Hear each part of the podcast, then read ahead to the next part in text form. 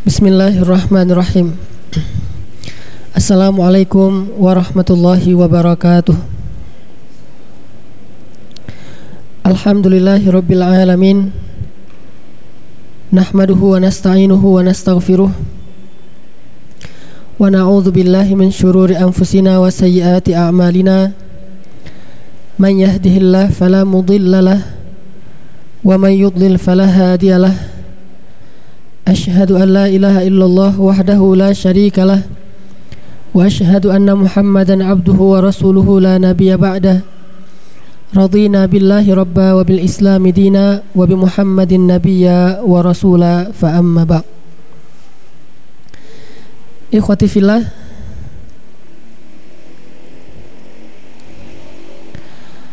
Salah satu cara kita untuk menambah iman menguatkan hati mengutuhkan pemahaman tentang syariat Islam adalah dengan memperhatikan kisah-kisah orang-orang solih. Ini penting karena kalau kita memperhatikan di dalam Al-Quran sebagian besar isi dari Al-Quran itu adalah ayat-ayat kisah. Bedanya kisah dengan ayat-ayat yang lain seperti ayat-ayat tentang perintah, ayat-ayat larangan, ayat-ayat berita. Kalau kisah ini langsung menyuguhkan kepada kita tentang inspirasi yang praktis apa yang disebut dengan siratul mustaqim.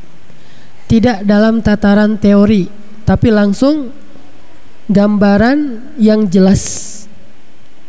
Sehingga Allah suka menyampaikan suatu pesan kepada kita di dalam Al-Qur'an melalui kisah.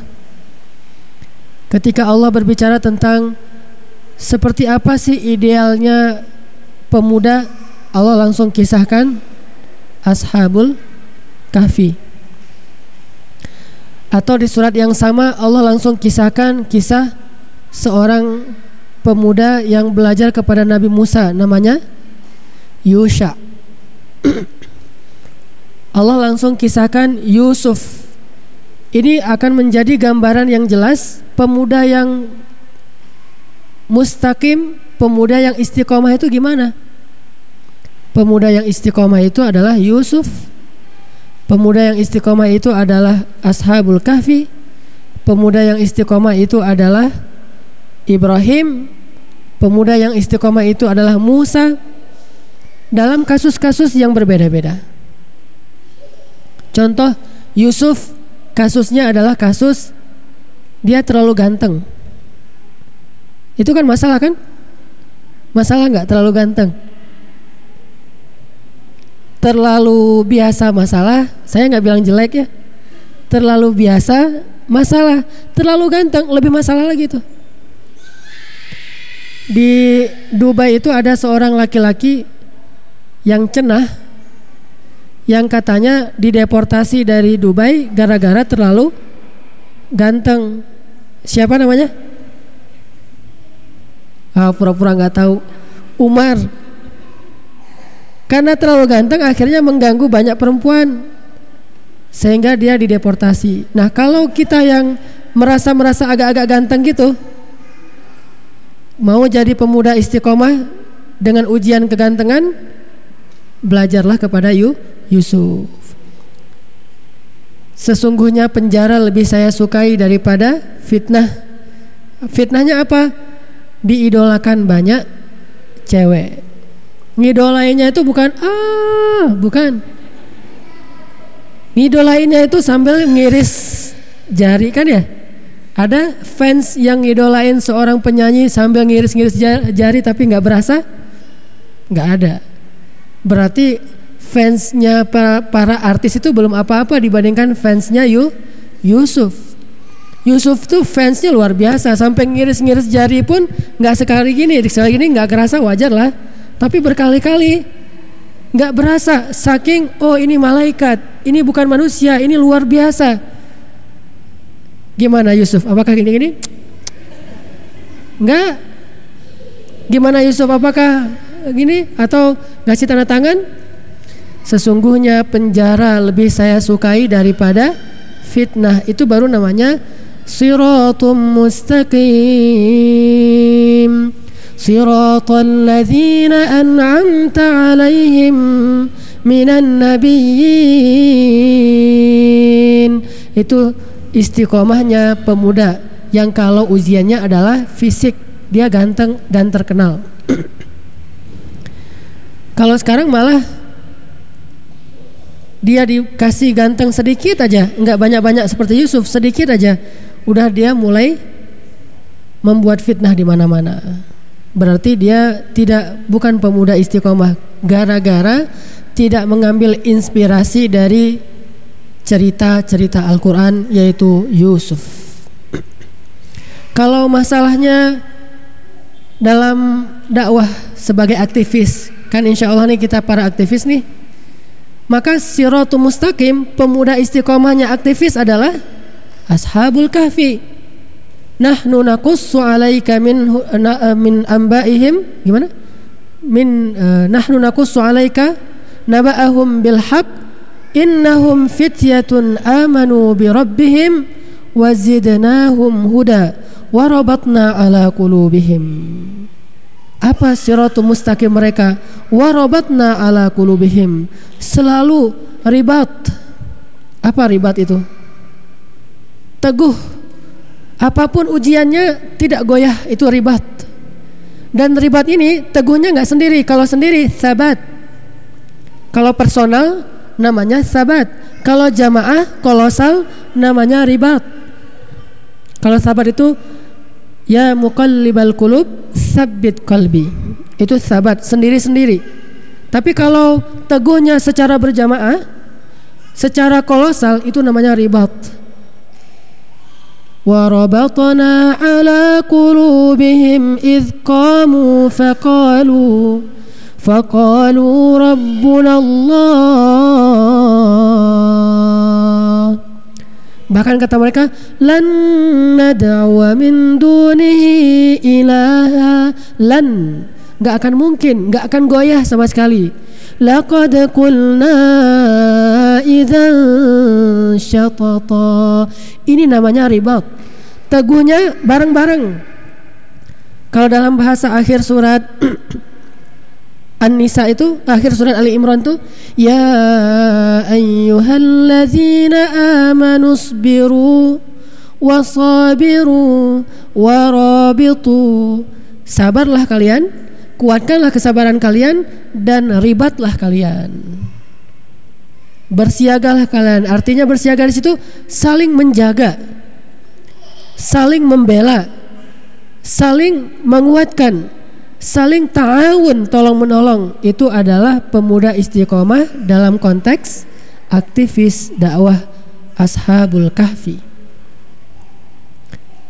lalu mereka dalam berdakwah selalu memohon petunjuk Allah ya Allah ini gimana lagi cara kami berdakwah Rabbana atina min ladunka rahmah wa lana min amrina rasyada Terus dalam memutuskan selalu musyawarah. Qala qailum minhum kam labithtum? Qalu labithna yawman aw ba'da yawm. Qalu rabbukum a'lamu bima labithtum. Kan itu musyawarah. Berapa lama kita di sini? Kata sebagian sehari atau setengah hari. Kata yang lain Allah lebih tahu. Yang penting bukan berapa lama. Kita lapar. Ayo kita utus salah seorang di antara kita beli makanan yang makanan paling bersih, paling suci, paling halal dan hati-hati jangan sampai ketahuan. Ini musyawarah dalam menyelesaikan masalah di antara mereka. Itu namanya ribat. Ribatnya jamaah itu siratul mustaqim, pemuda yang aktivis. Terus siapa lagi contoh pemuda yang jadi inspirasi siratul mustaqim kisahnya dalam Al-Qur'an? Salah satunya adalah Musa. Dalam masalah apa? Dalam masalah kenalan sama cewek. Gimana Siratul Mustaqim seorang pemuda kenalan sama pemu, pemudi. Remaja kenalan sama remaji. Gimana caranya? Coba lihat surat Al-Qasas. Surat 28 ayat 23 kita tilawah surat 28 ayat 23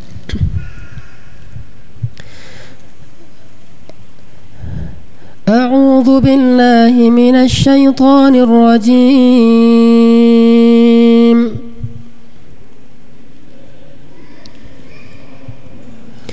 Bismillahirrahmanirrahim.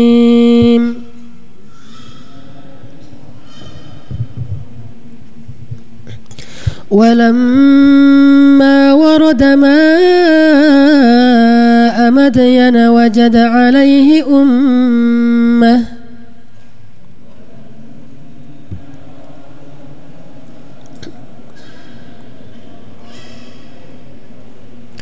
وجد عليه أمة من الناس يسكون.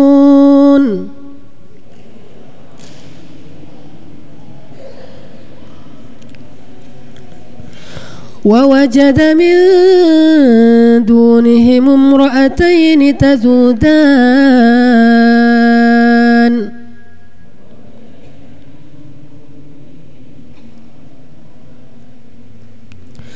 قال ما خطبكما؟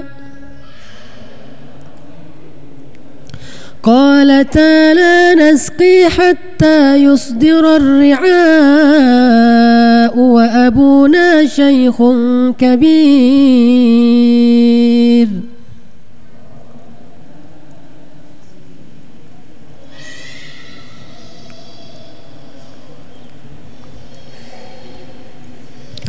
فسقى لهما ثم تولى إلى الظل.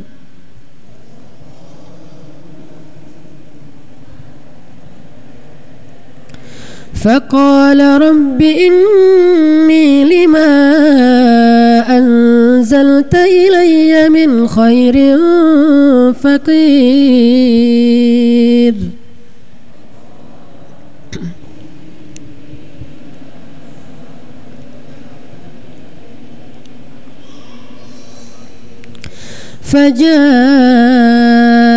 فجاءته إحداهما تمشي على استحياء.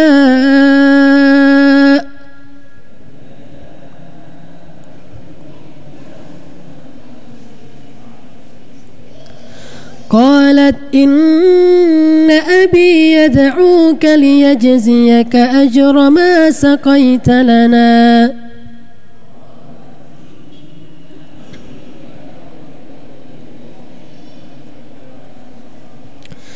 فلما جاءه وقص عليه القصص قال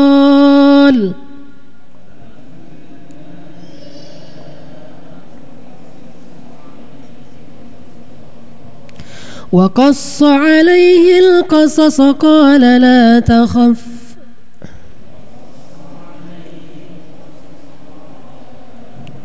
نجوت من القوم الظالمين.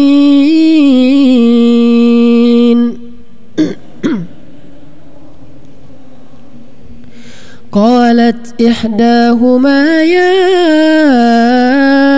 أبت استأجره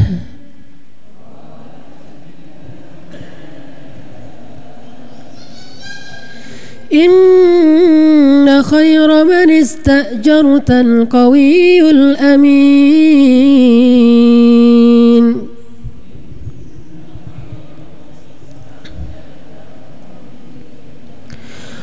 قال إني أريد أن أنكحك إحدى ابنتي هاتين.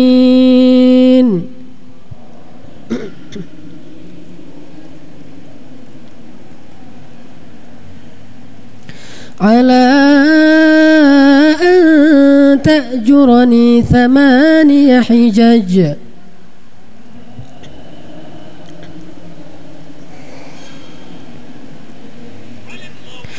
فإن أتممت عشرا فمن عندك.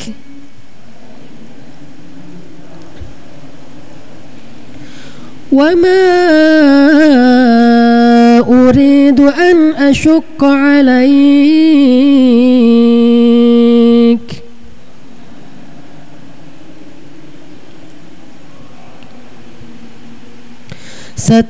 ستجدني إن شاء الله من الصالحين.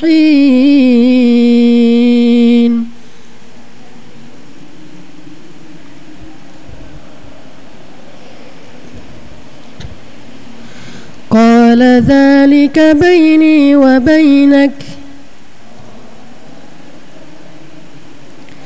أيما الأجلين قضيت فلا عدوان علي والله على ما نقول وكيل.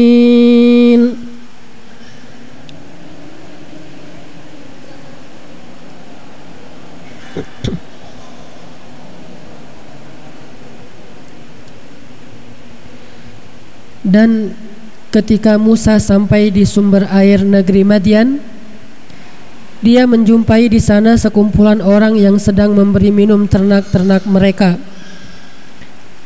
Dan dia menjumpai di belakang orang-orang banyak itu ada dua perempuan sedang menambat ternak mereka. Musa bertanya, "Ada apa?" Kedua perempuan itu menjawab, kami tidak bisa memberi minuman ternak-ternak kami sebelum penggembala-penggembala itu memulangkan ternak-ternak mereka. Sedangkan ayah kami adalah seorang laki-laki yang sudah lanjut usia. Kemudian Musa pun menolong mereka dengan memberi minum kepada ternak-ternak perempuan-perempuan itu. Setelahnya Musa kembali berteduh di bawah pohon dan berdoa, "Ya Rabbi, sesungguhnya aku sangat memerlukan sesuatu kebaikan yang Engkau turunkan kepadaku." Tiba-tiba datanglah kepada Musa salah seorang dari kedua perempuan tadi berjalan sambil malu-malu. Ia berkata, "Sesungguhnya ayahku mengundangmu untuk memberi balasan sebagai imbalan atas kebaikanmu tadi memberi minuman ternak-ternak kami. Lalu ketika Musa mendatangi ayahnya dan Musa menceritakan kepadanya kisah mengenai dirinya, maka ayah orang ayah perempuan tadi berkata, "Jangan takut wahai anak muda, engkau telah selamat dari orang-orang yang zalim itu." Lalu salah seorang dari kedua perempuan itu berkata, "Wahai ayah, jadikanlah pemuda itu sebagai pekerja pada kita. Sesungguhnya pekerja yang paling baik itu adalah yang kuat dan yang dapat dipercaya." Ayah mereka berkata, "Aku ingin menikahkan engkau dengan salah seorang dari putriku dengan mahar engkau bekerja kepadaku selama delapan tahun dan jika engkau sempurnakan sepuluh tahun itu adalah kebaikan darimu. Aku tidak ingin memberatkanmu. Insya Allah engkau akan mendapati aku termasuk orang yang baik. Musa menjawab baiklah itu perjanjian antara aku dengan engkau. Yang mana saja dari kedua waktu yang ditentukan itu aku sempurnakan maka tidak ada lagi tuntutan tambahan bagi diriku dan Allah menjadi saksi atas apa yang kita ucapkan. Ini adalah siratum mustaqim pemuda ketika berkenalan dengan pemudi. Gimana cara kenalannya? Seperti itu. Kemarin ada seorang akhwat pernah sekali apa dua kali ngaji di sini dan alhamdulillah kemarin hari Sabtu baru melangsungkan akad nikah. Kenalannya sekitar sebulan apa dua bulan yang lalu, kenalannya hari Sabtu, khidbahnya hari Minggu. Jadi baru kenalan hari ini, besok udah khidbah. Sebetulnya mereka itu udah pernah satu SMP, cuma di SMP nggak kenal, karena kan banyak kelas tuh. Baru tahu pas hari Sabtu mereka kenalan, oh ternyata kamu di SMP itu juga. Oh iya, saya di SMP itu juga. Oh gitu. Baru tahu hari itu. Terus saya ingin mencari calon istri. Saya juga lagi menunggu calon suami. Ya sudah, kalau kamu serius, datang aja ke ayah saya. Di mana rumah kamu? Ditunjukkan rumahnya. Besok dia datang, Pak saya sudah selesai kuliah, berniat mau menikah dan saya kenal dengan anak bapak kemarin di acara nikah temennya. Akhirnya saya tanya ke dia bagaimana, dia katanya suruh saya datang ke bapak. Saya ingin melamar anak bapak. Itu yang cara yang baik. Mirip-mirip dengan Musa lah. Itu namanya sirotum mustaqim. Bukan pacaran dua tahun. Udah gitu nggak jadi. Pacaran lagi dua tahun, nggak jadi lagi. Alasannya apa? Ta'aruf Kenalannya gimana? Dia BBM-an. Assalamualaikum. Udah tahajud belum? Udah duha belum? Hari ini puasa enggak? Hari ini hari Senin loh. Udah makan sahur belum? Kesannya sih Islami, tapi fitnah. Walaupun kesannya Islam, Islami, ngajak puasa Senin Kamis. Si laki-lakinya, oh iya alhamdulillah udah bangun, udah dari jam 2. Habis itu udah setelah balas BBM tidur lagi. Ini bukan ta'aruf. Ini fit fitnah. Musa adalah pemuda yang mengajarkan kepada kita tentang siratum mustaqim dalam kenalan laki-laki dengan perempuan. Gak banyak ngomong cuma ma buku ma. Musa ganteng nggak? Gak pernah lihat Ustadz. Semua nabi itu ganteng. Kan saya pernah bilang kan, nggak ada nabi yang nggak kan, nggak ganteng. Walaupun ada Yusuf yang gantengnya itu mukjizat, tapi nabi yang lain semuanya juga ganteng, cuma gantengnya alami. Jangankan nabi, suatu perusahaan aja kalau cari duta produk dia, cari yang ganteng dan cantik kan? Perusahaan minyak rambut carinya pemain bola. Kenapa nggak Lionel Messi yang jadi dutanya? Karena Lionel Messi biasa-biasa aja fisiknya, main bolanya yang luar biasa. Kenapa yang dicari Cristiano Ronaldo? Padahal main bolanya biasa-biasa aja tuh. Tapi fisiknya menjual. Duta yang dicari oleh suatu produk aja carinya yang ganteng, apalagi duta Allah duta Allah Allah kalau ngutus orang yang membawa kitabnya itu ngutus orang yang ganteng. Bukan cuma manusia malaikat aja cari yang ganteng coba. Mana malaikat yang ganteng? Fi suhufim mukarramah marfu'atin mutahharah bi aidi safarah kiramin bararah bi aidi safarah kiramin bararah orang yang membaca Al-Qur'an dan dia mahir dia dikumpulkan bersama malaikat-malaikat safaroh kiramim bararah. Tahu siapa malaikat safaroh kiramim bararah? Safaroh itu kalau dalam bahasa kita itu bukan utusan. Utusan itu rusul atau rasul. Kalau safaro itu bahasa Indonesianya duta. Terjemahannya agak keliru, bukan utusan, duta. Beda utusan dengan duta, beda dikit lah. Dan bahasa duta ini duta yang diutus oleh Allah di antara malaikat ketika turun satu ayat itu malaikat-malaikat yang paling sempurna fisiknya yang bawanya aja malaikat yang paling sempurna Jibril dan yang mengikuti Jibril namanya malaikat Safaroh Kiramim Baroroh Begitu juga yang membawa kitab-kitab di bumi adalah para rasul safaroh kiramim baroroh. Makanya semua nabi itu ganteng. Musa lagi istirahat. Musa itu terkenal gantengnya. Bahkan nanti ada kisah tentang orang Yahudi yang menuduh Nabi Musa itu kok kalau pakai pakaian itu tutup semua. Dia pakai sorban nggak pernah nggak pernah terbuka. Nabi Muhammad juga kan selalu pakai sorban ya, jarang uh, buka sorban. Terus baju jubahnya tertutup. Kata orang Yahudi, Musa itu punya penyakit kulit. Dia banyak penyakit di tubuhnya, makanya dia tutup. Akhirnya suatu ketika Nabi Musa sedang mandi di sebuah oasis dan membuka bajunya sehingga terlihatlah dada beliau, terlihatlah badan beliau yang tegak, yang bagus, atletis. Malaikat ngambil baju Nabi Musa. Ini mirip dengan cerita-cerita dongeng nih. Lagi mandi di kali diambil bah, bajunya kan ya? Kalau ini mungkin dongeng Indonesia itu ngambilnya dari cerita Nabi Musa dan ini ceritanya benar. Diambillah baju Nabi Musa oleh malaikat sehingga Nabi Musa selesai mandi nyari-nyari baju tapi enggak enggak enggak semuanya terbuka hanya antara dadanya saja dan antara perut sampai lutut tertutup tetap. Karena itu batas auratnya. Tapi dadanya kebuka kelihatan orang yang gagah.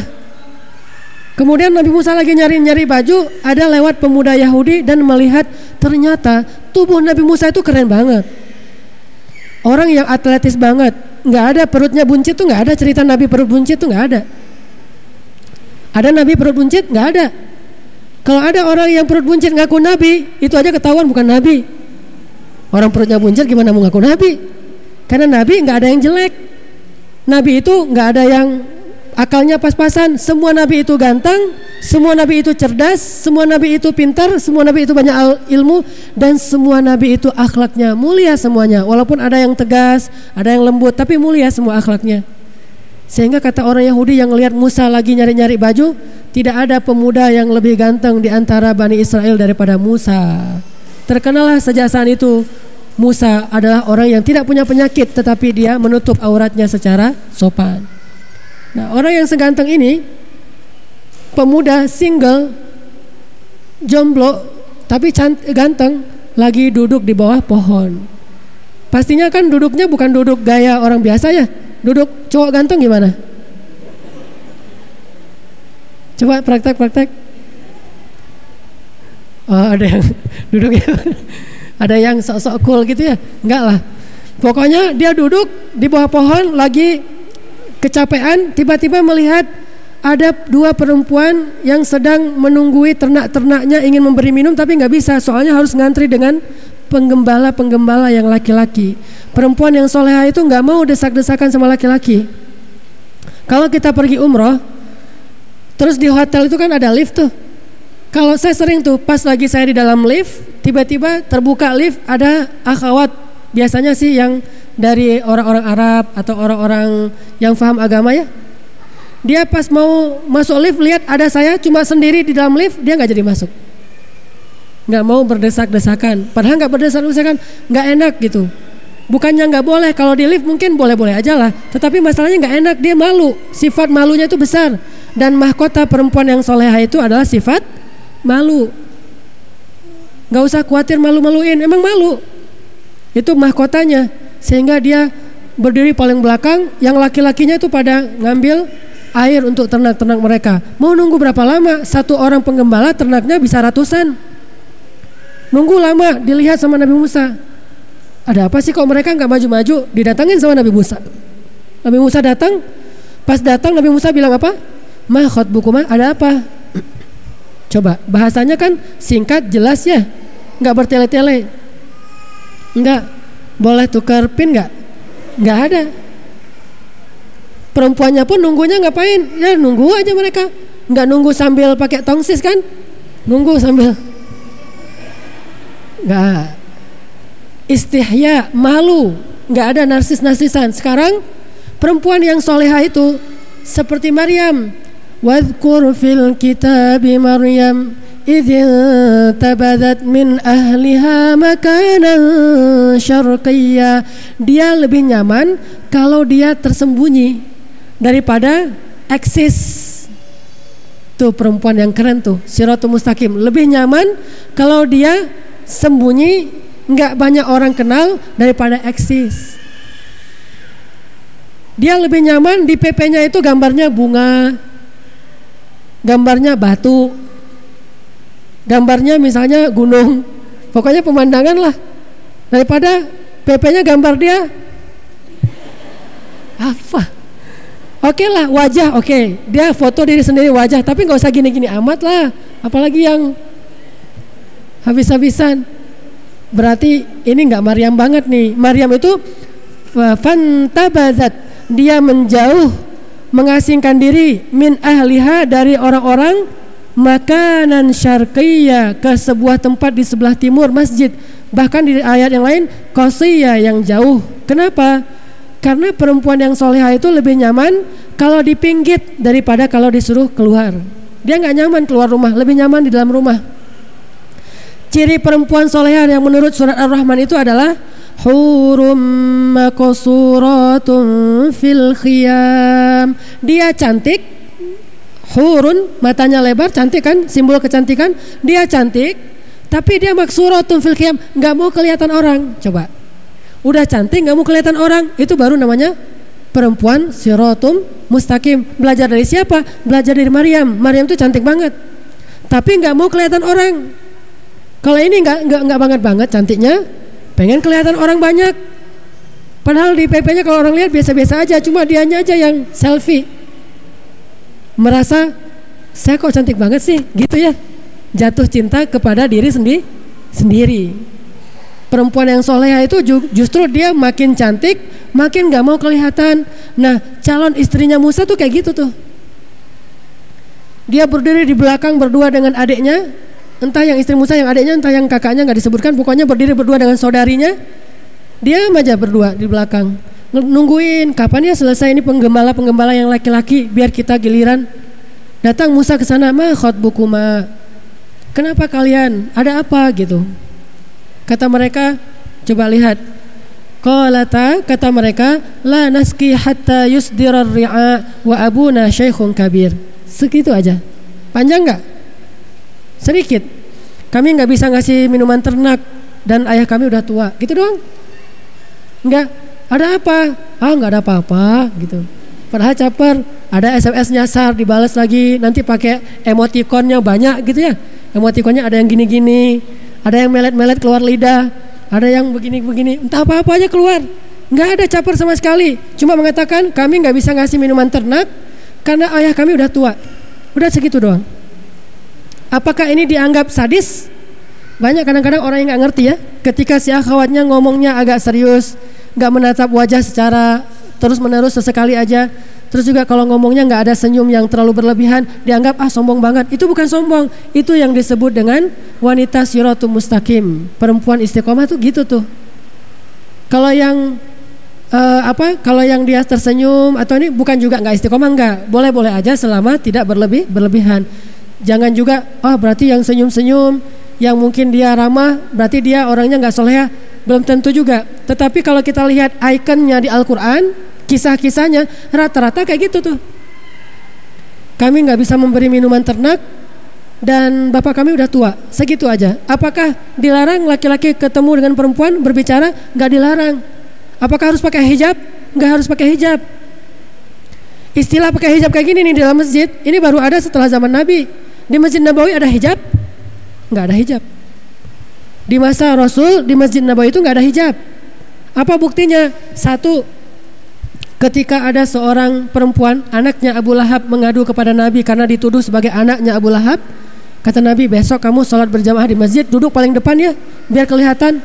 Besok dia duduk paling depan, sehingga Nabi mengatakan, wahai kaum muslimin, siapa yang mencela nasabku berarti dia mencela aku. Sesungguhnya semua nasab di hari kiamat terputus kecuali nasab Nabi Muhammad. Kata Umar, ya Rasulullah siapa yang mencela nasabmu? Kasih tahu ke saya. Ya Umar duduk. Wahai kaum muslimin, itu anak Abu Lahab. Siapa yang mencela dia karena bapaknya, sesungguhnya dia adalah dari keluargaku dan keluargaku itu tidak terputus nanti di hari kiamat. Ditunjuk orangnya dan kelihatan menunjukkan bahwa di Masjid Nabawi tidak pakai hijab. Yang pakai hijab di rumah Nabi. Kenapa? Khusus istri-istri Nabi. Kalau kalian bertanya kepada istri-istri Nabi, bertanyalah waraul hijab di balik hi, hijab. Itu pun gara-gara Tolha jatuh cinta kepada Aisyah. Asbabun nuzulnya kan gitu tuh.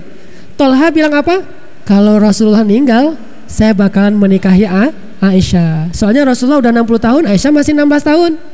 Kalau Rasulullah meninggal, saya akan menikahi Aisyah. Turun ayat di surat Al-Ahzab. Satu ayat itu tentang masalah hijab dan tentang masalah nggak boleh menikahi istri Nabi setelah Nabi mening meninggal.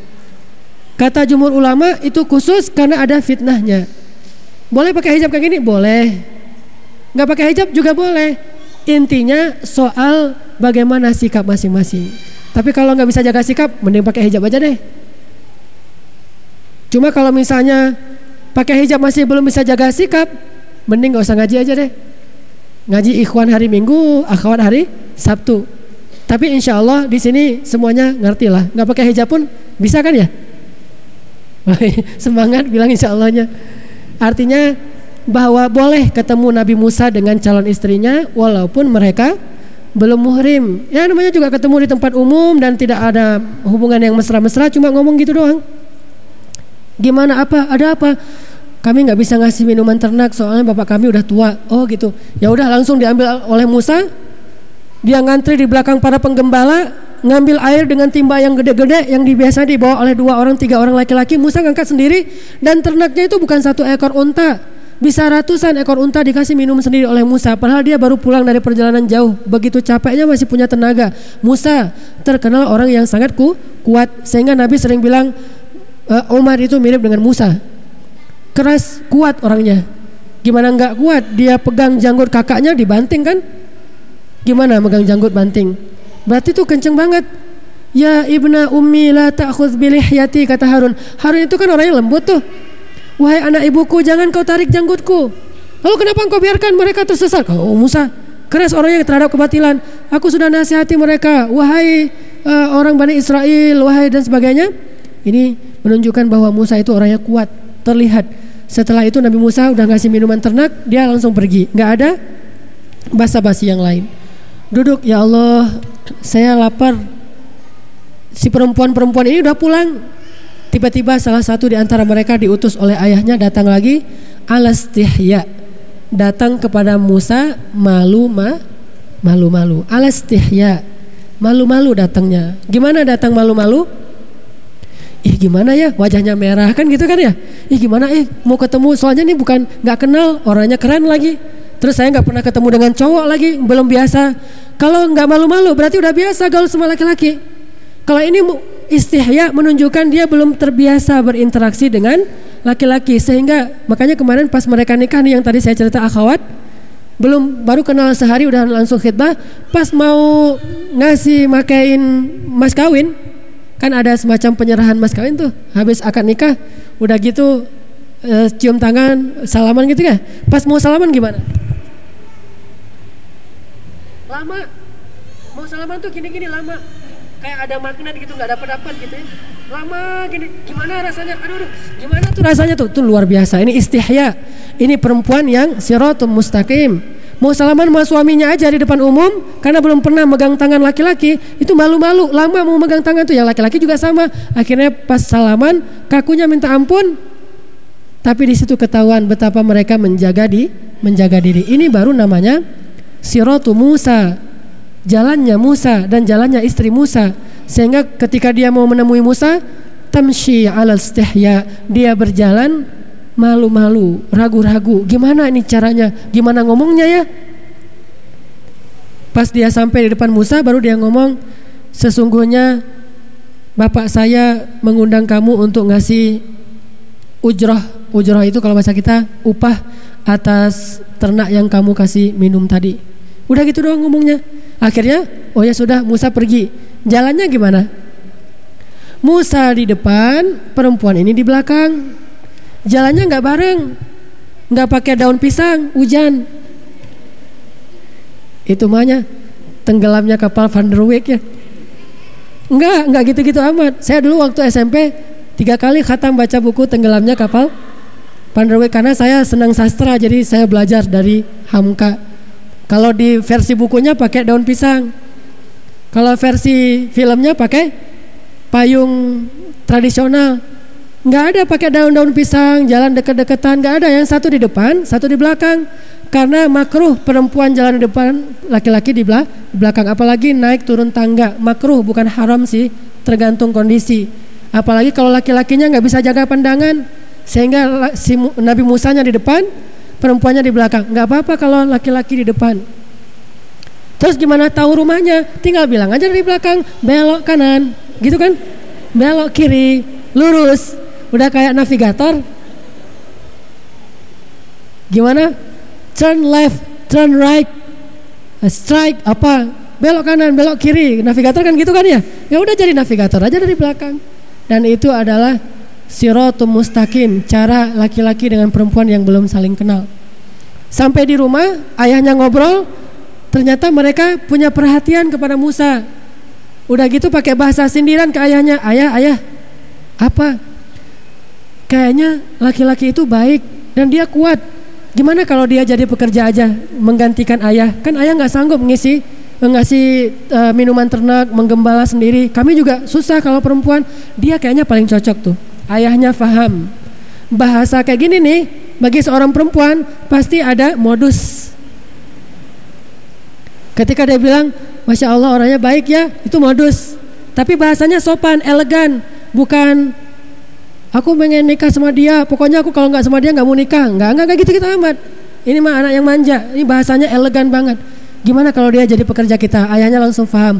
Kalau enggak, perempuan ini nggak akan pernah mengomentari seorang laki-laki kalau dia nggak tertarik. Dia mengomentarinya karena memang benar-benar laki-laki menawan, memang layak dikomentari. Siapa pun perempuan yang melihat Musa dan dia masih single pasti akan mengomentari Musa. Dan ayahnya tahu, kok anak saya selama ini nggak pernah perhatian sama laki-laki yang ini dia komentar, dia bicara, oh berarti dia ada hati nih. Orang dulu kan gitu kan. Saya pernah dengar cerita sepupu saya mau nikah perempuan sepupu saya. Keluarganya bagus, cara pendidikannya, akhlaknya bagus. Suatu hari si sepupu saya ini pernah nyebut nama seorang sepupu yang lain laki-laki. Kata mamanya, saya belum pernah dengar loh dia nyebut tentang seorang laki-laki. Baru kali ini, kayaknya kita jodohin yuk dia sama sepupunya. Nah ini berarti menunjukkan perempuan ini selama ini terjaga. Sekali dia nyebut laki-laki itu gara-gara dia tertarik dan orang tuanya langsung ngerti. Sedangkan kalau udah biasa, kamu serius gak sih? Kamu serius gak sih? Ditanya kayak gitu. Kalau kayak gitu tuh berarti udah biasa tuh. Soalnya seringnya nggak seri, nggak serius. Wahai ayah, boleh nggak dia jadi pekerja di rumah kita? Kata ayahnya, wahai Musa, bukan ditawarkan jadi pekerja, ditawarkan jadi suami, tapi dengan cara maharnya beker, bekerja. Lebih cerdas lagi nih si bapak. Calon mertuanya cerdas banget ya. Jadi sekali mengena, men, apa, ah, ah gitulah. Dua tiga pulau terlampaui. Wahai anak muda, kalau bahasa di drama-drama radio, wahai kisanak gitu ya. Maukah engkau menikah dengan putriku? Sesungguhnya kami ini orang baik kan gitu kata dia. Sesungguhnya kami ini orang baik maksudnya sesungguhnya aku dan putri-putriku ini orang yang terjaga. Putriku itu bukan orang-orang yang sembarangan, bukan perempuan yang biasa. Dia orang yang aku jaga sejak dia kecil. Maukah engkau menikah dengan putriku? Dengan mahar bekerja selama 8 tahun atau 10 tahun, terserah kamu terserahnya 8 atau 10 kalau terserahnya satu tahun atau dua tahun masih mending 8 tahun atau 10 tahun berat juga nih maharnya menunjukkan apa? Perempuannya tuh keren juga nih. Makanya Musa mau. Kalau enggak Musa enggak mau juga. Kalau enggak karena perempuannya nih cantik soleha anak orang yang mulia. Sehingga Musa 8 tahun pun ya enggak apa-apa lah. Sengsara membawa nikmat. 8 tahun kerja dulu selesai itu nanti bisa mendapatkan istri yang soleha yang mendampingi Musa dalam perjuangan dakwah. Karena kalau bukan istri yang soleha gak sanggup mengarungi perjalanan dakwah yang berat Nabi sanggup berada di Mekah 13 tahun dengan dakwah yang luar biasa berat karena siapa? Khadijah belum ada Aisyah Aisyah mungkin gak bisa menggantikan Khadijah dalam urusan-urusan di Mekah makanya Allah takdirkan Aisyah itu munculnya di Madinah Ketika Islam sudah jauh lebih mudah. Tapi ketika di Mekah bukan Aisyah yang mendampingi Rasulullah, tapi Khadi, Khadijah. Dathiruni, dathiruni, zammiluni, zammiluni. Itu kata siapa? Kata Rasul ke Khadijah. Kata Allah, ketika Khadijah menyelimuti Rasulullah, membuat Rasulullah nyaman banget tidurnya, datanglah Allah mengatakan, "Ya ayyuhal muddathir." Pergi lagi Nabi berdakwah, pulang-pulang zamiluni, zamiluni, selimutin saya, selimutin saya, kecewa, sedih, diselimutin sama Khadijah, ya ayyuhal muzammil. Ini menunjukkan bahwa butuh perempuan yang luar biasa mengerti tentang agama, faham dakwah, loyal terhadap agama untuk menguatkan seorang laki-laki dalam gerak dakwahnya di luar rumah. Karena itu berat. Kalau enggak dia enggak akan kuat. Gimana dia akan konsen dengan umat kalau masalah rumah tangganya aja berat banget, banyak yang harus diurus. Gimana konsen di luar? Makanya ketika istri Nabi Ismail itu banyak ngeluh, apa kata Ibrahim? Masih ingat ceritanya? Masih ingat? Nabi Ibrahim pernah datang ke rumah Ismail. Waktu itu Nabi Ismail punya istri yang suka mengeluh. Nabi Ismail lagi berburu kan Nabi Ismail ini sniper ya, hunter ya, pemburu, dia penembak. Nah, ketika Ibrahim datang, bagaimana keadaan kalian wahai anakku? Kata istri Ismail, ya ginilah. Pokoknya Ismail itu bukan orang kaya, hartanya nggak terlalu banyak. Kami juga rezekinya pas-pasan, hidupnya kesulitan, pokoknya serba susah lah. Kalau bahasa sekarang harga cabai naik, terus dolar apa makin mahal, ini susah itu susah di mana-mana macet, pokoknya ngeluh aja kerjaannya. Terus kata Ibrahim, ya sudah kalau Ismail pulang salam ya dan bilang ke dia agar mengganti talang pintu rumahnya. Pulang Ismail, kata istrinya tadi ada orang tua datang, dia nanya-nanya tentang kamu dan tentang kehidupan kita ya. Aku bilang aja apa adanya. Terus kata dia apa? Kata dia salam buat kamu dan dia bilang suruh ganti talang pintu rumah. Perasaan talang pintu rumah gak ada yang rusak. Istrinya nggak ngerti. Apa kata Ismail? Tahukah kamu siapa dia? Dia ayahku Ibrahim yang Allah beri wahyu kepadanya. Dan tahukah apa maksudnya? dia menyuruh aku menceraikan kamu dengan cara baik-baik. Diceraikan istri pertama, dibawa pulang ke orang tuanya, nikah lagi, datang lagi Ibrahim. Ini ceritanya singkat-singkat ya. Kan panjang ceritanya nih. Datang lagi Ibrahim, gimana keadaan kalian wahai anakku? Alhamdulillah, Allah baik banget pada kami. Ibu Ismail itu seorang suami yang soleh, suami yang luar biasa, dan aku bahagia. Pokoknya baik aja bersyukur. Kata Ibrahim, salam ya ke Ismail. Kalau dia pulang bilang dia nggak perlu lagi mengganti talang pintu rumahnya. Artinya apa? Butuh seorang perempuan yang luar biasa agar bisa menjadi seorang laki-laki yang luar yang luar biasa. Makanya Musa tahu siapa calon istri di antara dua perempuan yang mau dinikahinya ini. Oh ini yang cocok untuk menjadi pendamping hidup saya. Saya seorang yang terbuang di Sulawesi, di Makassar saya dianggap orang Padang, di Padang saya dianggap orang Makassar. Saya adalah orang yang terbu terbuang kan gitu ya, kurang lebihnya. Artinya saya terbuang dari Mesir. Di Mesir saya dianggap orang Madian, di Madian saya dianggap orang Mesir. Butuh seorang perempuan yang keren banget nih. Cinta the first love dan endless love. Cinta pertama dan cinta aba abadi. Akhirnya diterima. Menikah. Dan terbukti solehnya perempuan ini nggak pernah ngeluh ikut bersama Musa dalam suka dan duka. Salah satu adegan dukanya apa? Ketika mereka berada di Bukit Tursaina direkam di awal surat Toha. Katanya, Um Kusu, tunggu kalian di sini. Aku melihat ini anastu naro la'alli atikum minha biqabasin au ajidu 'alan nari huda. Ditinggallah istri dan anaknya dalam keadaan kedinginan, istri dan anaknya nggak mengeluh. Ini adalah siratum mustaqim dari seorang si, uh, nabi yang bernama Musa alaihissalam, pemuda. Coba kita buka akhir surat Hud surat 11.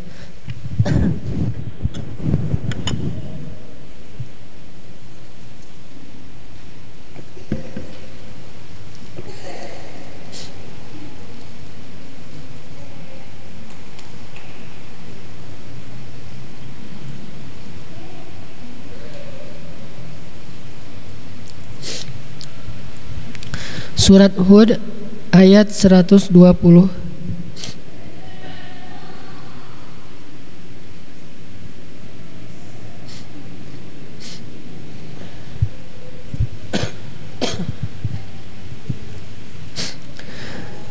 Bismillahirrahmanirrahim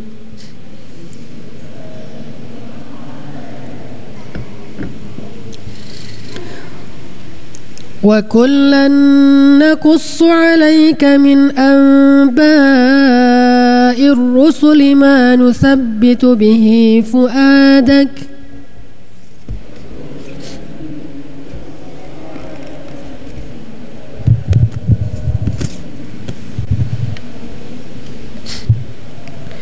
وجاءك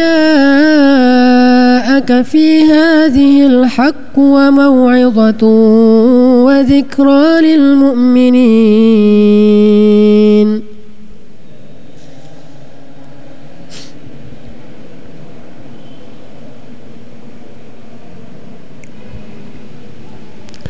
dan semua kisah rasul-rasul kami ceritakan kepadamu Muhammad agar dengannya kami teguhkan hatimu dan di dalamnya telah diberikan kepadamu kebenaran nasihat serta peringatan bagi orang-orang yang beriman.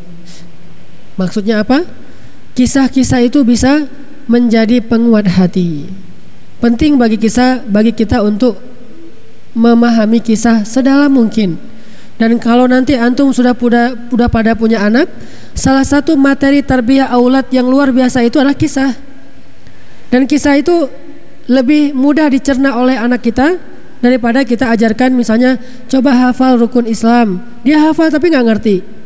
Hafal rukun iman dia hafal tapi nggak ngerti. Kalau kisah, coba kisah itu intinya dua. Kalau kita berkisah, belajarlah bahasa narasi dan bahasa dialog. Gimana narasi, gimana dia dialog. Narasi kalau dulu kan pada suatu hari itu narasi ya. Kalau dulu tuh.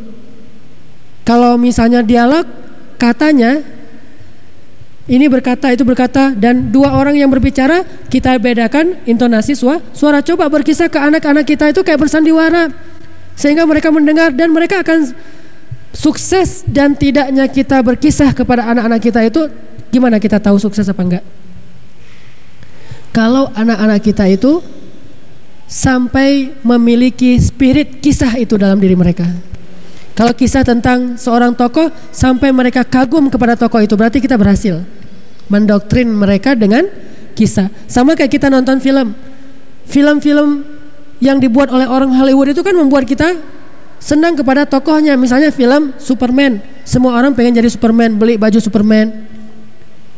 Ketika kita baca kisah tentang kehidupan salah seorang pemain bola, jadi pengen mengidolakan pemain bola, beli baju yang ada tulisan pemain bola. Kalau perempuan, kisah tentang seorang mungkin Cinderella, akhirnya kita cari sepatu Cinderella. Pokoknya kisah itu yang baru sukses atau enggak dilihat dari apa? Dari bisa enggak kita mengagumi atau memiliki semangat di kisah itu dalam diri kita. Ketika saya mengisahkan tentang Sulaiman, anak saya yang Maryam yang TK yang paling kecil bilang, "Baba, kalau nanti aku punya adik yang laki-laki pengen dikasih nama Sulaiman." Berarti dia ngidolain Sulaiman. Ketika kita kisah Zulkarnain, pokoknya kalau aku punya adik laki-laki mau namanya Zulkarnain. Terakhir kita kisahkan Umar, pokoknya kalau aku punya adik laki-laki maunya mana Umar, udah berapa aja?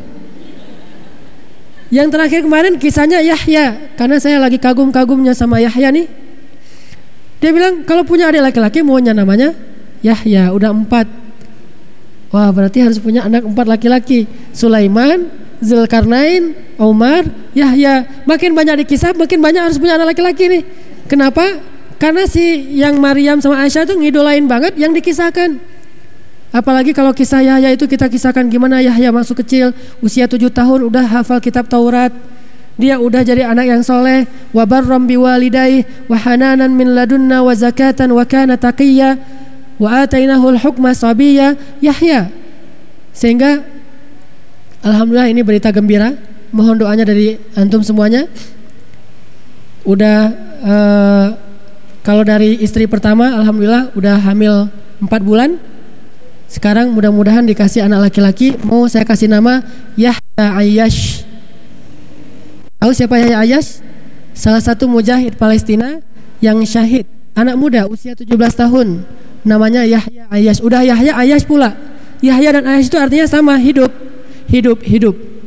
Artinya apa? Di dunia dia hidup, di akhirat dia hidup. Namanya syahid. Sesungguhnya syahid itu tidak mati kan kata Allah. Bal ahya'un inda rabbihim mereka hidup di sisi Allah. Namanya Yahya Ayyash. Saya suka dengan nama Yahya. Karena nama saya pun diambil dari sifat Yahya Hananan wa zakatan wa kana taqiyya.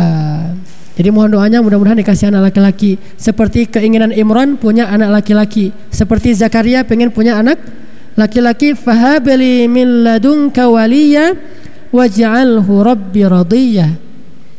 Apalagi memang Maryam pengennya adiknya dikasih nama Yahya. Kalau nanti anak perempuan gimana Ustadz? Udah aja juga namanya.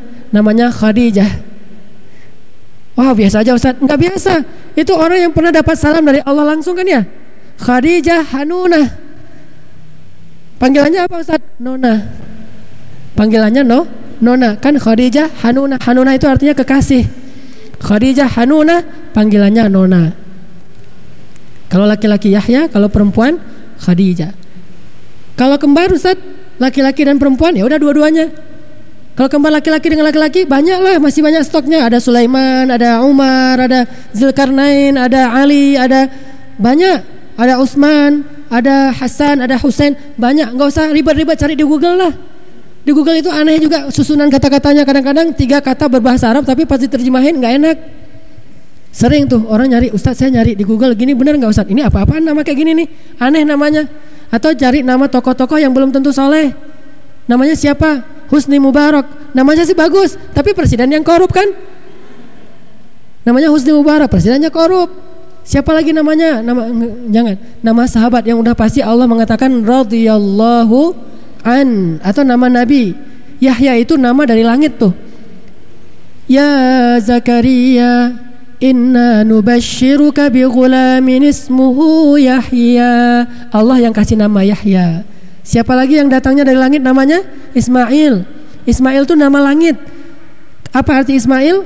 Orang yang suaranya terdengar ke langit. Sami'a Ismail yang suaranya terdengar sampai ke langit. Ketika dia menangis di bumi, suara tangisnya terdengar ke langit sehingga Allah mengutus Jibril untuk memberinya air. Ismail. Ini jadi ke mana nih? Jadi tentang anak? Tadi tentang apa terakhir? Hah? Tentang Musa. Oke, okay. Siratul Mustaqim. Selanjutnya kalau misalnya kita baca kisah Al-Quran Kisah Siratul Mustaqimnya Pemudi Kalau tadi kan pemuda Musa Ashabul Kahfi Yusha Kalau yang perempuan siapa? Akhwat Yang jadi idola di dalam Al-Quran Maryam Kalau yang belum nikah Mari Maryam Kalau perempuan sebagai istri siapa? Asia. Kalau perempuan sebagai ibu siapa? Yang jadi siratul mustaqim, ibu. Ibu yang paling keren. Yang dua anaknya dua-duanya nabi. Dia punya dua anak, dua-duanya nabi. Keren banget kan? Kalau Hajar satu Ismail, kalau Sarah satu Ishak. Kalau ini satu ibu, dua anak, dua anak, duanya nabi. Dia punya tiga anak, dua laki-laki satu perempuan. Yang dua laki-laki ini dua-duanya nabi. Siapa? Siapa? Ummu Musa. Ibumu? Ibu Musa. Dia punya anak laki-laki Harun nabi. Punya anak perempuan eh punya anak laki-laki lagi Musa nabi ini dikisahkan oleh Allah juga di dalam surat Al-Qasas. Coba buka lagi surat Al-Qasas. Ayat 7 boleh nambah air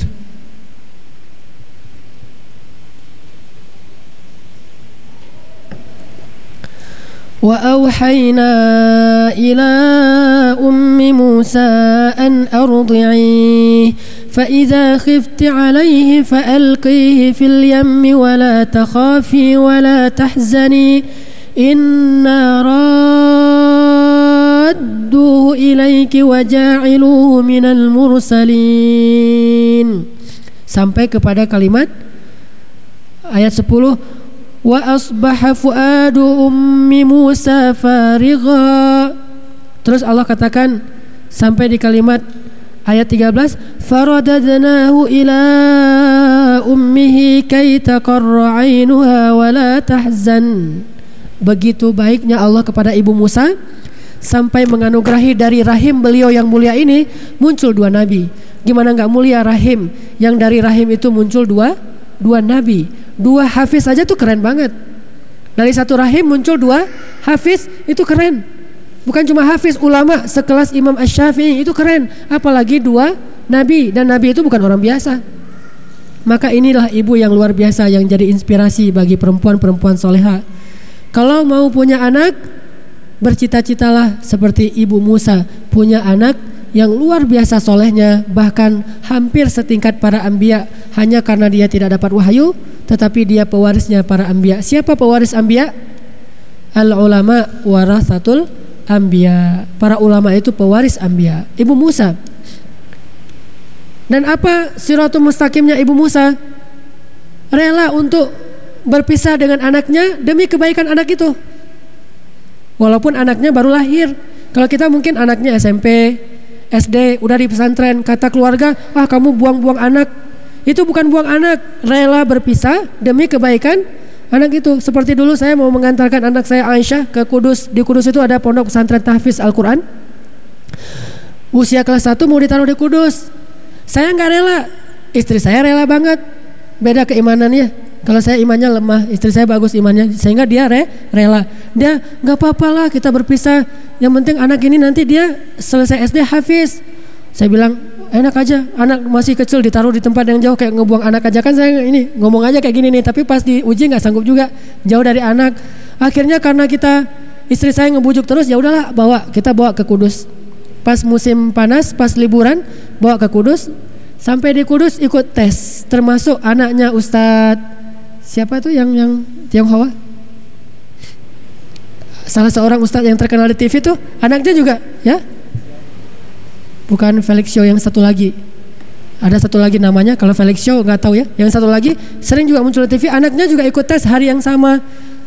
Kalau nggak salah anak Agim juga di situ tuh. Nah saya bawalah ke sana ikut tes. Udah di udah hafal dua juz masuk tes kelas 1 SD. Seharusnya kan kalau dua juz itu sudah pasti lulus lah insya Allah. Cuma salahnya apa? Di Kudus itu cara menghafal Qurannya beda dengan yang saya anggap. Saya belajar menghafal Qurannya versi Arab. Belajarnya baca amma yatasaalun tartil. Ternyata di sana nggak gitu. Amma yatasaalun anin nabil azim alladzi hum fihi mukhtalifun. Gitu tuh baru lancar. Kalau anak saya pasti tes, coba Aisyah ngaji amma yatasaalun anin nabail azim dipikir nggak lancar kok lama bacanya beda versi akhirnya nggak lulus pas nggak lulus saya senyum-senyum banyak sendiri dalam hati alhamdulillah istri saya yang sedih ah nggak lulus salah cara mengajarkan saya bilang bukan salah kita yang benar mereka mungkin punya mazhabnya sendiri kalau saya nggak setuju cara ngafal kayak gitu karena walaupun lancar tapi wakafnya nggak benar hanya mengandalkan lan lancar. Kalau ini udah tartil, wakafnya benar, cuma dia memang agak lama. Kalau ngulang hafalan itu satu juz satu jam. Kalau itu satu jam itu bisa dapat tiga juz. Sehingga wajar anak-anak kudus itu kelas 3 SD sudah selesai khatam. Kelas 3 SD udah khatam dan itu jumlahnya nggak satu dua, ada puluhan anak kelas 3 SD khatam. Paling telat kelas 6 SD khatam dan itu terkenal udah lama banget pesantrennya. Walaupun dalam masalah mazhab mereka uh, tradisional ya NU, tapi dalam masalah ngafal Quran bagus sih. Cuma metodenya beda. Uh, apa sih namanya? Yang Kiai Arwani itu saya bawa ke sana, tapi saya bersyukur nggak lulus. Sehingga anak saya balik lagi ke Bandung, sekarang sekolah di dekat rumah, setiap hari bisa ketemu. Cuma di situ akhirnya saya belajar ke istrinya Nabi Musa, uh, ibunya Nabi Musa. Oh ternyata harus gitu ya. Kok berat amat sih? Berat. Makanya itulah inspirasi ibu-ibu. Kalau alhamdulillah kalau istri saya dia berhasil, dia dia bukannya nggak sayang sama anak, jauh lebih sayang daripada saya. Karena dia yang melahirkan, dia yang me, yang yang mengandung 9 bulan, dia yang menyusui, dia yang mendidik, jauh lebih sayang daripada seorang ayah. Tetapi imannya jauh lebih baik daripada saya sehingga dia rela berpisah dengan anaknya demi kebaikan anak itu. Kelas 1 SD udah mau jadi pesantren. Alhamdulillahnya nggak jadi. Tapi ini udah target lagi nih nanti kelas 1 SMP mau taruh lagi di pesantren. Nggak tahu saya nanti siap apa enggak. Kalau kelas 1 SMP, siapa tahu mungkin kalau udah kelas 1 udah lumayan ini ya, karena udah gede setidaknya puas-puasin dulu lah masa kecil tapi sebetulnya kalau di Cina saya nggak bawa laptop kalau di Cina itu ada satu pesantren pernah dulu diputarkan pesantren tahfiz Al-Quran di Cina itu yang masuk ke sana itu mulai dari usia tiga tahun tiga tahun udah masuk pesantren dengan syarat ayah ibunya minimal menghafal satu juz Al-Quran kalau enggak berarti ayah ibunya nih enggak punya azam sehingga nanti takutnya anaknya enggak akan berhasil. Kalau ayah ibunya hafal satu juz, anaknya pasti lulus walaupun belum bisa ngomong, belum bisa baca Quran. Memang masuk situ belum bisa baca Quran, tapi kelas 6 SD udah hafiz semuanya. Cuma pesantren ini terlarang di Cina. Enggak boleh di Cina itu ada pesantren ngafal Quran. Sehingga kalau lagi di dicari tahu, diinspeksi gitu sama pemerintah Cina, mereka bilang bukan pesantren Al-Quran, pesantren bahasa Arab. Jadi kayak Islamic Center yang isinya adalah learning Arabic bukan learning Al-Quran. Gak boleh belajar Al-Quran di sana. Bolehnya belajar bahasa Arab. Itu ada di Cina yang negerinya bukan mayoritas Muslim dan anak-anaknya itu udah tinggal di situ dan nggak boleh dijenguk kecuali dua bulan sekali. Coba bayangin anak tiga tahun ditaruh di pesantren, anaknya itu lucu-lucu. Kan sipit-sipit, putih-putih gitu ya. Dan di puncak gunung Cina dingin-dingin, anaknya tuh kayak tikus gitu, lucu-lucu gitu. Saya ngeliat kok kayak, kayak tikus lucu-lucu gitu. Imut-imut anak-anaknya tuh ngelihat oh lucu-lucu banget. Dan mereka semuanya kalau ngomong saya ada satu adegan bilang Sadaqallahul azim dia baca Al-Qur'an Idza zulzilatil ardu zilzalah dengan logat Cina pas sadaqallahul azim wa. nggak nggak tahu kenapa begitu gitu. Gaya orang Cina ngaji gitu.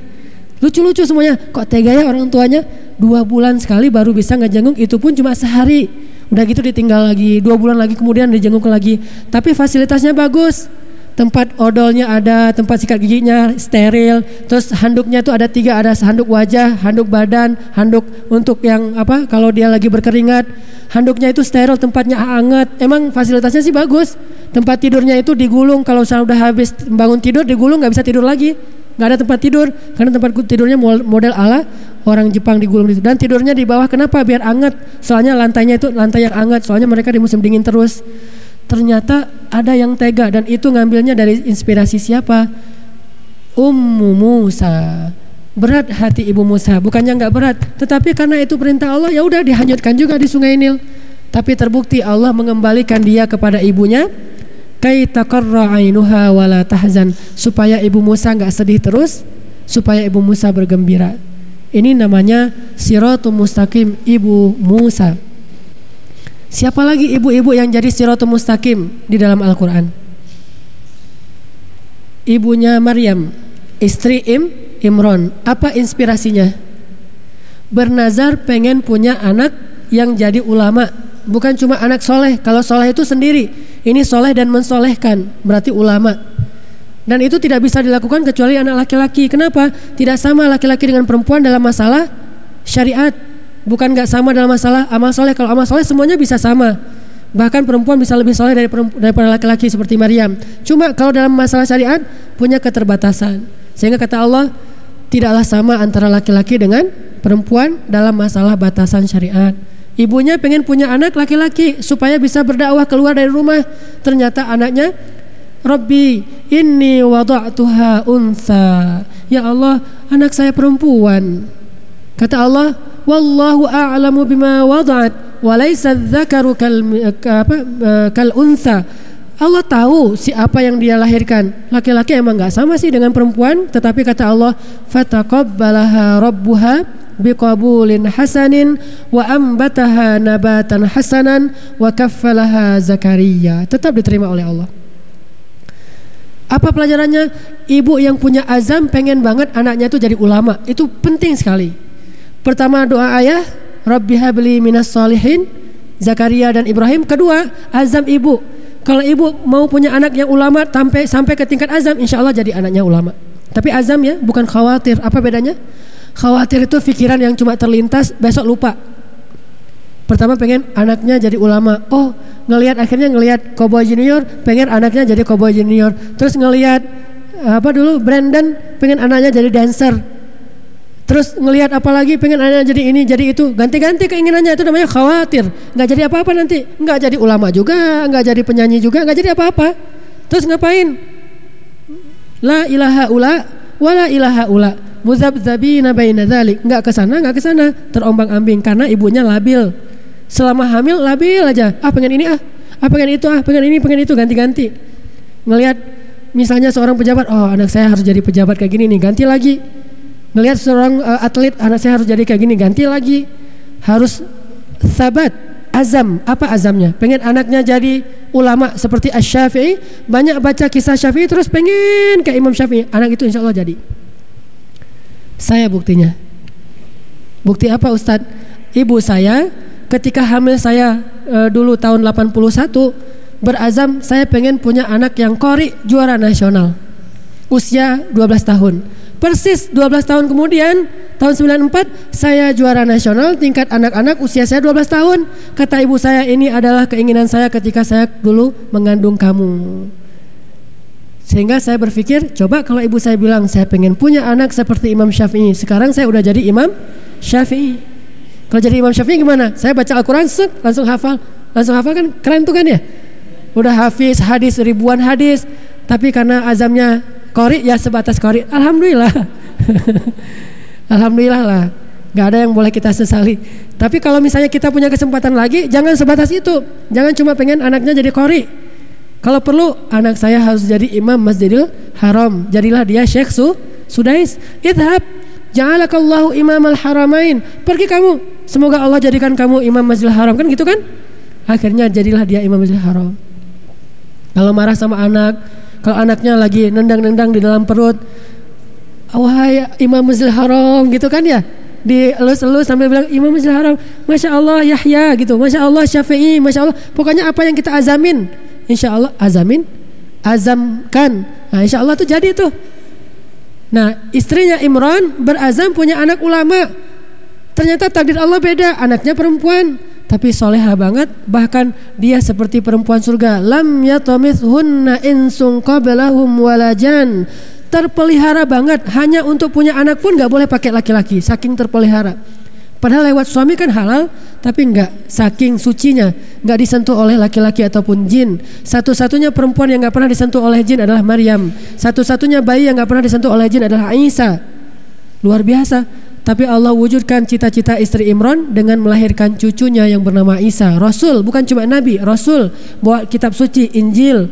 Ini azam istri Imran. Siratul mustaqim. Makanya ibu itu harus punya azam. Anaknya tuh mau jadi apa yang jelas. Jangan labil, yang jelas, yang spesifik dan terus menerus dipelihara selama hamil, mengandung, terus melahirkan, mendidik sampai dia besar, insya Allah jadi itu. Syekh Ahmad Yasin tahu? Salah satu pendiri Hamas di Palestina? Itu azam ibu beliau. Kalau kita lihat di YouTube dialog ke, ke dengan beliau almarhum ketika beliau masih hidup sebelum beliau ditembak, beliau bilang ketika saya dalam kandungan ibu saya bermimpi akan punya anak laki-laki dan disuruh kasih nama Yasin. Akhirnya saya dikasih nama Ahmad Yasin dan ibu saya berazam saya jadi seorang ulama dan mujahid. Benar jadi ulama dan mujahid. Azam ibunya. Makanya punya azam itu siratul mustaqim ummu Musa.